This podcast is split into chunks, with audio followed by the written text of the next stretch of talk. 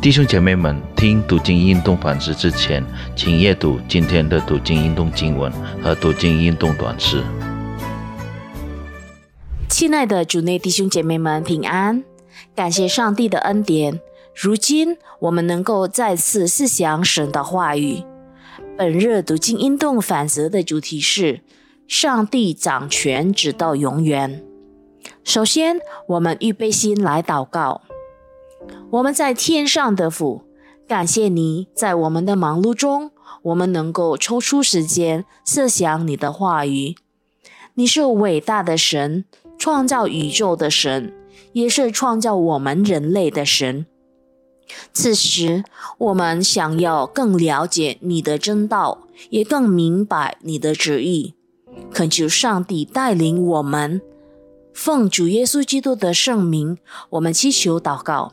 阿门，弟兄姐妹们，本日经文来自于诗篇九十三篇，我们一起念第一到第五节。诗篇九十三篇第一到第五节如此：耶和华作王，他以威严为衣穿上；耶和华以能力为衣，以能力束腰，世界就坚定，不得动摇。你的宝座从太初立定，你从亘古就有。耶和华呀，大水扬起，大水发生，波浪澎湃。耶和华在高处大有能力，胜过诸水的响声，洋海的大浪。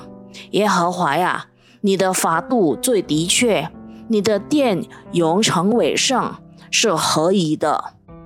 好，我们经文读到此。主内弟兄姐妹们，有一位英国著名物理学家叫史蒂芬·霍金，在他的两本著作《时间简史》和《大世纪》中写道：“在未了解科学之前，我们很自然地相信上帝创造了宇宙。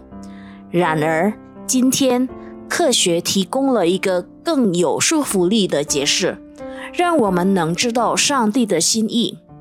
其意思是，若上帝真的存在，我们就能够知道他所知的一切。弟兄姐妹们，其实史蒂芬·霍金是一个无神论者。他深信上帝不存在，他的声明只是一个假设或基本猜想，并没有经验根据或基于感官观察证据。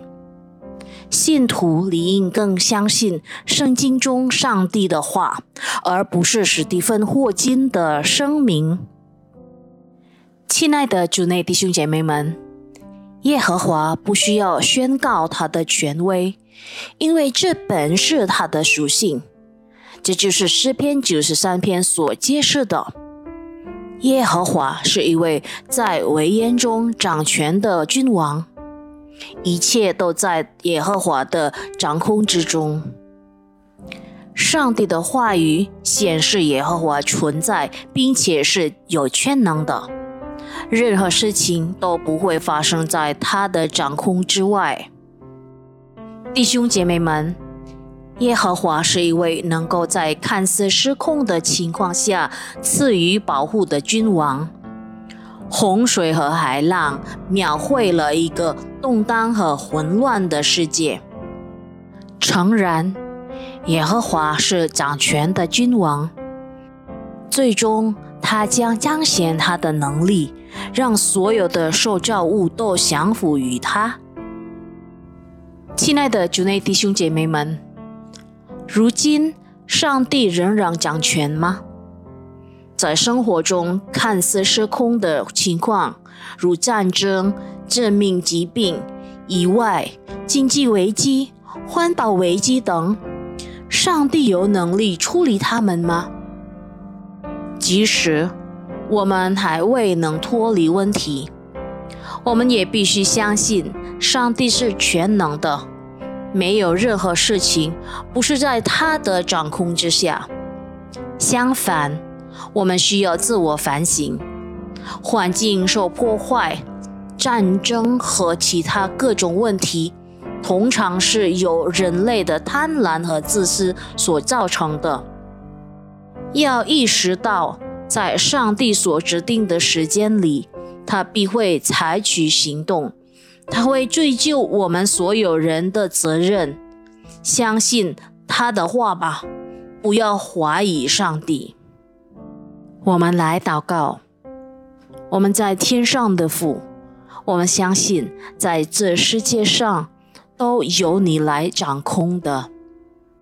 虽然在世界上发生的问题有很多，我们并没办法解决的，我们相信你是全能的，请你帮助我们能够保护这世界，不当一个贪婪和自私的人类，让我们能够好好保护我们的地球。感谢你，主啊！奉主耶稣基督的圣名，我们祈求祷告，阿门。